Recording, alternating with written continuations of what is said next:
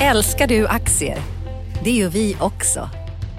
Sea Worldwide Asset Management är en av Nordens största oberoende aktiva aktieförvaltare och har samlad kunskap sedan 1986.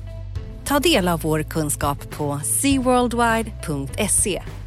Bokstaven C, worldwide.se.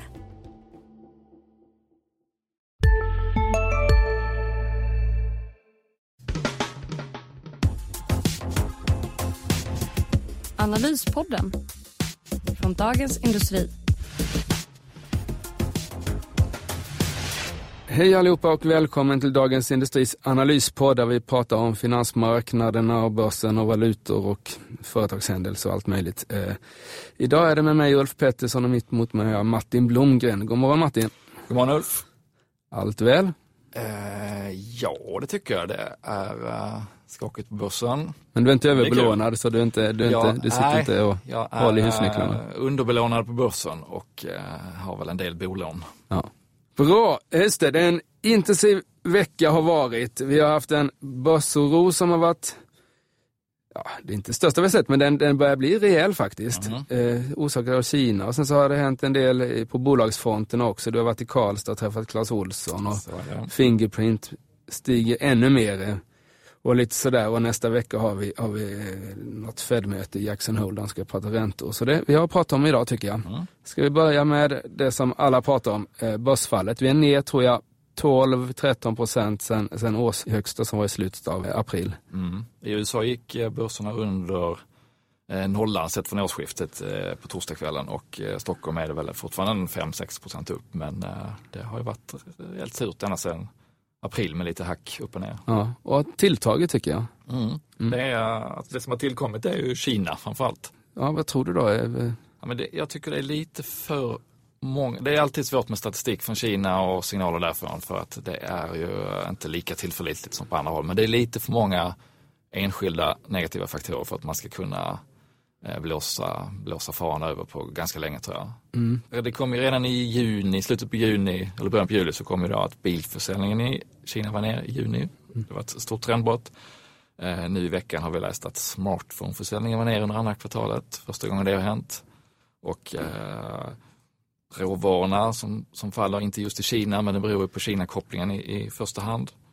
Och eh, inköpschefsindex, den här preliminära, kom på fredag morgonen och den var ner på precis över 47. 50 är ju tillväxtstrecket det. och det var den sämsta på sex år. Så att, plus det var alla, alla svenska storbolag sa i rapporten att ganska samstämmig bild av att eh, det var oro i Kina. Och plus eh, devalveringen som också är en, det brukar man göra när, när man vill stimulera ekonomin, den, den inhemska ekonomin. Ja precis, det tillför ytterligare oro för vilken kontroll de har på, på läget i Kina. Och intressant med devalveringen där i Kina är att det har ju sen blivit som dominoeffekter på andra asiatiska marknader. Ja.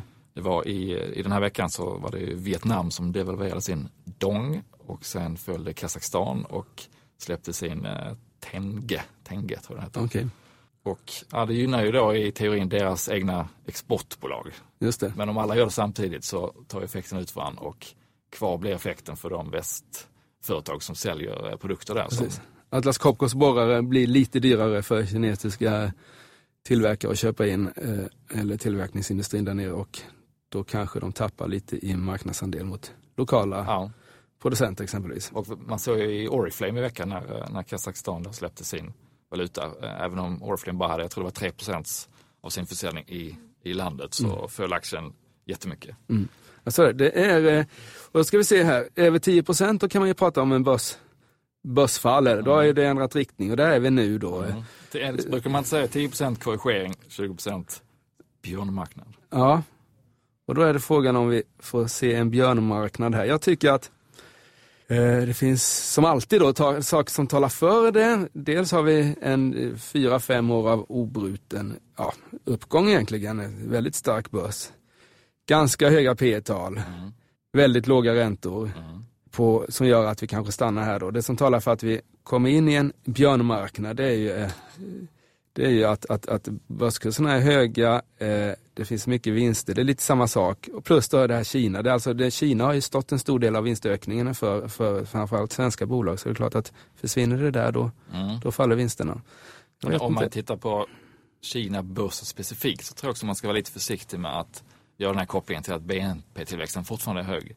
För att eh, i Kina så backade ju börsen från vad var det, sommaren 2009 till hösten 2014 nästan oavbrutet. Och då i början på den perioden så hade ju Kina en BNP-tillväxt på 9-10 procent. Ja. Nu är man på 7. Skulle den backa ytterligare då, ja, det är bara att göra matematiken. Ja, Nej, men det där att, att ta BNP som, som utgångspunkt för hur, hur den, en nationell börs ska gå, det, inte, det, finns inte några jättestora samband där på liksom, annat än kanske på väldigt lång sikt då, men inte, inte på kort och medelfristig horisont i alla fall.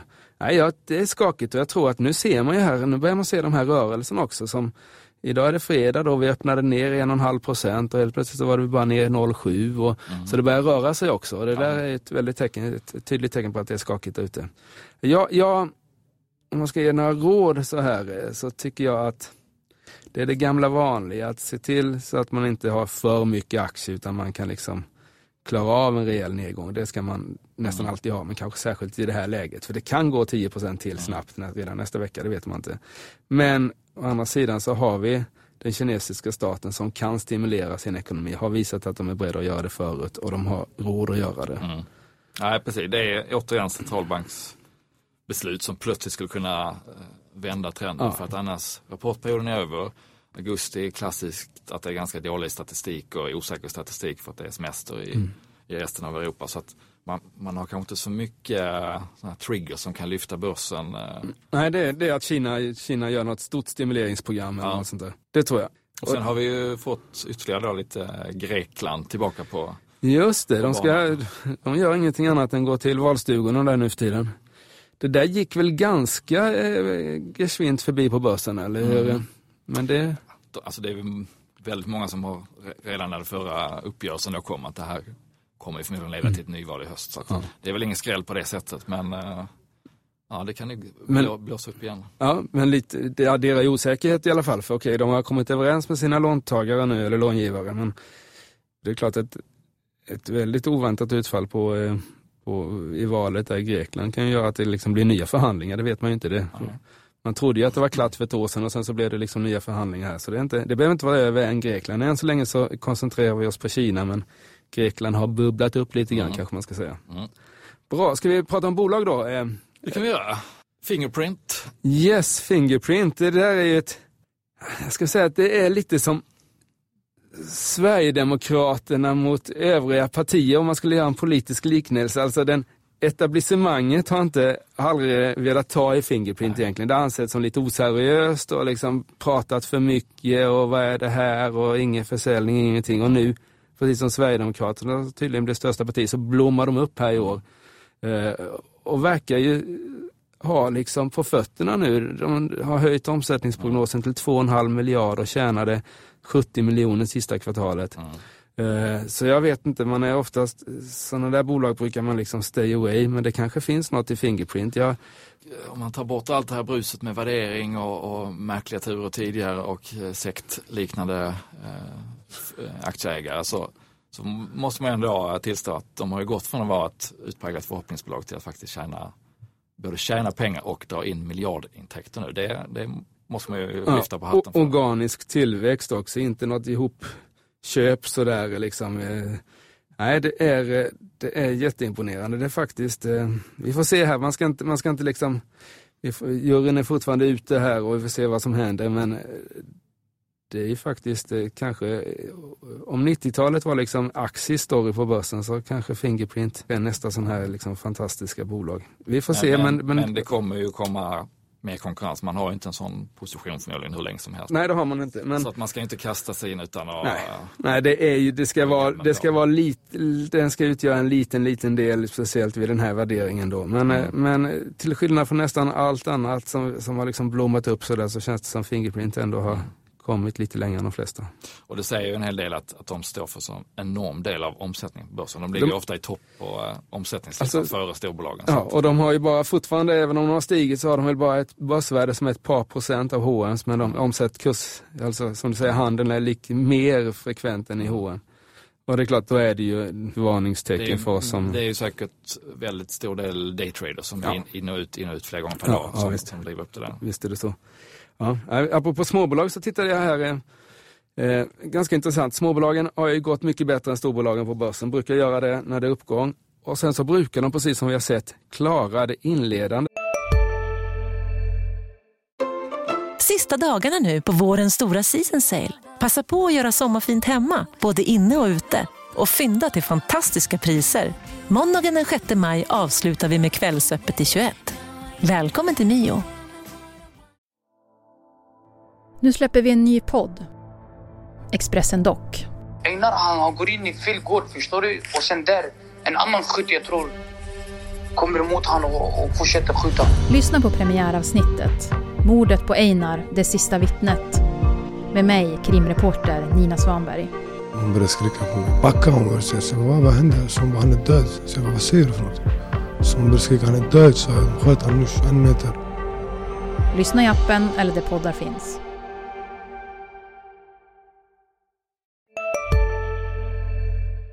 Fallet ganska mycket bättre. Det är för att, okej, Fingerprint, nu är det inte Fingerprint ett småbolag längre, det håller på nästan på att komma in på OMX30 här, men annars är det ingen trading bland, i småbolagsaktier att tala om. Och det är så att säga, det gör att de stora, de första kursfallen kommer bland storbolagen där det är mycket korta pengar, mm. ska vi säga, eh, känsliga pengar som flyttas in och ut i marknaden medan ägandet i, i småbolag är mer stabilt och rör sig inte så mycket. Men när det börjar falla på, då börjar de här som har ägt sina 2000 ITAB länge tänka att ah, nu är det dags att sälja för nu rasar det. Och då brukar småbolagsaktierna falla snabbt och, och så att säga falla mer än, än, än, eh, än storbolagen. Och precis det där, vi är i det där skedet nu. Nu såg jag här, det var väl i förrgår eller något, att småbolagsindex föll mer än storbolagsindex. Så tror man på ett kursfall så ska man inte äga småbolagsaktier och småbolagsfonder. Det finns ju inte samma, samma eh, ska man säga, nät under som kan fånga upp den. För att det, fin det finns inte den styrkan på, i, i, köpsidan på orderboken. Det, nej, kommer, det tillkommer liksom inte nej, så många köpare när det går ner. Nej precis, nej det är inte så. Utan klart, faller Volvo 7-8% så är det några stora fondförvaltare och lite pensionsfonder som plockar upp aktier. Mm. Men om ett småbolag och då är vi det är ju inte liksom de här som har 20 anställda, det är ändå bolag med ett par miljarder i börsvärde. Det, då ska det ner mycket innan det liksom mm. kommer in fyndköpare i de där på så sätt. Och ofta är det ju säkert också så att det sammanfaller, om det går ner snabbt och småbolagen faller så sammanfaller det med att folk kanske också plockar ut pengar ur småbolagsfonder. Ja. Och hur mycket de förvaltarna än tror på sina småbolag så tar, tar kunderna ut pengar ur fonderna så måste de, så måste de liksom rent tekniskt ja. bara också sälja. Jag, jag har suttit som, som småbolagsförvaltare eh, under eh, kris, krisen eh, sju, den började ju sju där, åtta. Eh, och det är inte, likviditeten är inte rolig i småbolag när det, när det liksom blir kaos. Det även även liksom en aktiepost på 100 000 kronor är, liksom, är kraftigt mm. kurspåverkande i, i småbolag. Då. Ja, men om, man, om man intervjuar eh, förvaltare av, av småbolagsfonder till exempel, eh, med killarna på Dino och Gage som, som är jätteduktiga, så de är ju alltid väldigt tydliga med att påpeka att de måste ta ett ännu längre eh, investeringsperspektiv på sina placeringar. De måste mm. gilla de här bolagen på ännu längre sikt mm. än vad man med storbolag för att mm. det kan hamna i situationer där man, där man måste sitta längre än vad man trodde med dem. Ja, så är det. Och så måste man ju tänka som privatperson också. Där. Köper jag ett, ett småbolag eh, så kanske jag behöver en lite längre investeringshorisont än ja. Ericsson Volvo där man kan hoppa ut lätt. Ja, och framförallt så ska du väl inte köpa just, du måste köpa med pengar som du inte behöver imorgon. Liksom. Volvo går väl alltid att sälja. Det är klart, är det, är det är du jätteliten, 200-300 aktier går ju att sälja i de flesta bolag, eller i alla bolag. Men, men lite större, då blir det lite krångligare direkt. Mm. Bra, eh, du var i Karlstad också eh, Martin här, och träffade Clas Olsson. Exakt, eh, historisk butiksöppning nummer 200 i Bergviks köpcentrum utanför Karlstad. Mm. De har haft en fantastisk butikstillväxt, från att ha gått från en till två butiker på 71 år. Det var ju postorder och en butik i Insjön börja med så eh, har de växlat upp nu till 200 butiker. Och mm. Eh, det var bara 6-7 år sedan som de hade 100 butiker. Och. Så det är en imponerande resa. Och eh, det, är, det är ju intressant i sig, men är, om man tittar framåt så blir det absolut mest spännande att de är på väg in i Tyskland för första gången. Just det, så den 300 butiken, det är inte säkert att den hamnar i Karlstad eller någon annan medelstor svensk stad, utan den hamnar i... Ja, den hamnar nog i Frankfurt eller München. Ja, om allt går som det ska i Tyskland. Exakt. De öppnar tre butiker i Hamburg mm. med början nästa sommar och kommer skynda ganska försiktigt framåt, eh, visa av utvecklingen i Storbritannien där de, där de fick eh, bromsa takten. Ja, Det där, det där är eh, att expandera ett butiksnät i nya marknader är, en jättespännande verksamhet. Du får inte springa för snabbt för det blir väldigt dyrt. Å andra sidan så måste du våga ta stegen upp för att ha, ha två, tre, fyra butiker bara i Hamburg. Där får du liksom inga skaleffekter. Där blir det inte liksom det blir, kommer upplevas som en hamburgerbutik, eller hamburgerrestaurang eller säga, men, men eh, så man måste liksom sköta det där. Och det som gäller, vilket jag, jag har satt köp på, på, på Clas Ohlson vid olika tillfällen här eh, senast i våras. Och det är många som går snett, liksom Lindex gick snett och fick backa, JC gick snett i, i Tyskland och sådär. Det som gör ändå att, att eh, Clas Ohlson kanske kan klara det, som du skrev i din fina artikel också, det är att de har kassan att vara uthålliga. Att det här är liksom inte fem år, det här kanske är 25 år. Och att eh, vi faktiskt har haft en hel del tyskar i, i, i, i mina hemtrakter där i Småland som håller på med sina röda hus och är på Clas Ohlson i Växjö och handlar, handlar grejer då. Ja, även om det är anekdotiska bevis så, så pekar ju vdn Claes eh, Balko då eh, själv på det att det är en, har varit en hel del tyskar i butikerna när de turistar och de får ofta frågan varför öppnar ni inte hos oss? Ja. När kommer ni till oss? Precis. Och Och de har råd och de lägger nu, vad är det, 3 procentenheter av vinst, eller så 3 på, ja det blir ju, vad blir det, det blir 30 procent av vinsten ungefär. 2-3 procents marginalpress om du Ja. tänker på. på Och de har av 10, 10 internationalisering. procents marginal nu knappt. Så. Ja, och de har, målet är 10 procent, men Ja. de ligger ju kring 8, lite över 8. Ja. Men spontant så, så tycker jag att Tyskland känns mycket mer naturligt än vad England gjorde för ett koncept som Clas Ohlson. Ja, tycker jag. Absolut. Att, det, eh, det var lite märkligt faktiskt att man, att man valde, men det gjorde H&M också. Det, H&M går nog att jämföra. Jag kommer ihåg H&M gick in tidigt i Storbritannien, kanske för att vi kan språket bättre. Fick stanna upp, jag tror till och med de lämnade och sen så kom tillbaks. Däremot Tyskland gjorde de liksom, eh, eh, kom in senare där men det är det som är den stora, fantastiska, det var det som gjorde H&M till ett världsbolag Mm. liksom, när de, när de Och så lyckas Clas Ohlson där, då finns det ju då kan man ju dra ut den här tillväxtlinjen på antal butiker Ja. ganska långt framåt. lyckas du i Tyskland, då är du ju i kontinentaleuropa. Då är det ju liksom Frankrike och, och Holland och sånt där. Och Österrike och andra Ja, tysktalande. Polen Ja. eh, kanske. Eh, visst, men... Det, men där, det där blir jättespännande samtidigt som aktien då nu är, är ju värderad för att eh, det ska vara tillväxt. Mm. Ja. Så att det är ju absolut inget klipp. nej, nej, utan- absolut inte. Tidigare så fanns det, fanns det, var det liksom lite rabatt för deras expansion här när de förlorade pengar i, i Storbritannien. Men nu är det lite premiumvärdering på expansionen här. Mm. Så visst, den är inte billig. Eh, Inte billig, men som du nämnde, de har en stor kassa, direktavkastningen är helt okej, 3,3 procent. Eh, Väldigt långsiktigt bolag. eh, mm. Nej, men det där kanske är något för pensionen och något som överlever Kina-krisen här. Mm. Bra. Eh, är det något mer vi ska prata om innan, eller ska vi eh, se Ja, vad vi som... tar en liten titt på nästa vecka så, eh, så kommer IFO-index på tisdag. Det här är är- Tyskland. Precis, Tysklands viktigaste konjunkturbarometer enligt många. Just det. Och eh, i rapportperioden finns det lite, lite små skuttar kvar med ekonomer kommer med rapport. Just det. Första för den nya vdn Magnus Johansson som tog över efter Håkan Lundstedt. Just det. Och kanske viktigast blir då det här centralbanksmötet i Jackson Hole i USA. Just det. Där, eh, om jag inte är felunderrättad så kommer Janet Yellen inte att vara med det här året, Fed-chefen alltså. Nej, det var väl en nyhet eller? Mm. Ja, det tror jag inte.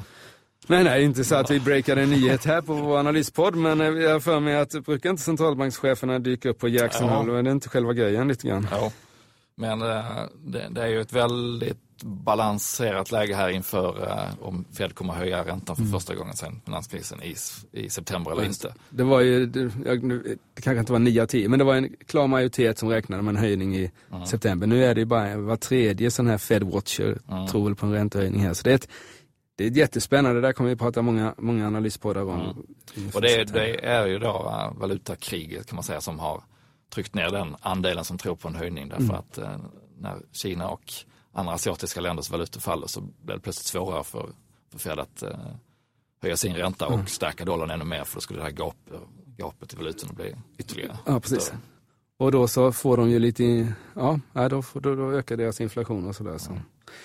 Bra. Eh, Med så har vi Rottneros rapport Jaha. på fredag. det går väl som tåget. Jag vet, de har inga valutasäkringar så för varje, varje, de jublar när dollarn Ja, de är stiger. börsens största dollarvinnare normalt sett. Så Ja. att, eh, Ja, de har skitit i valutasäkring. Ja, vi hade en debattartikel att man ska göra det och det kanske man ska. Det har Rottneros gjort och nu tjänar de jättebra med Mm. pengar på dollarn.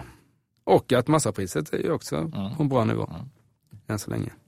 Men fortsatt Kina som sätter eh, temperaturen kan vi väl utlova. Yes. Och ändå Jackson Hole, även om Janet Yellen inte är där så vi, kommer man ändå lyssna på vad som sägs Mm. från USA. Bra, jag tycker vi har sammanfattat det här bra. Eh, då får vi återgå till skrivborden och sen är det helg. Nu är det helg. Bra, tack så mycket Martin. Tack själv. Tack allihopa där ute. Tack, hej då. Hej. Analyspodden från Dagens Industri. Programmet redigerades av Umami Produktion. Ansvarig utgivare Peter Fellman.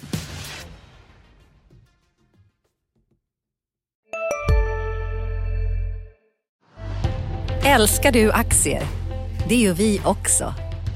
Sea Worldwide Asset Management är en av Nordens största oberoende aktiva aktieförvaltare och har samlad kunskap sedan 1986. Ta del av vår kunskap på seaworldwide.se. Bokstaven C, worldwide.se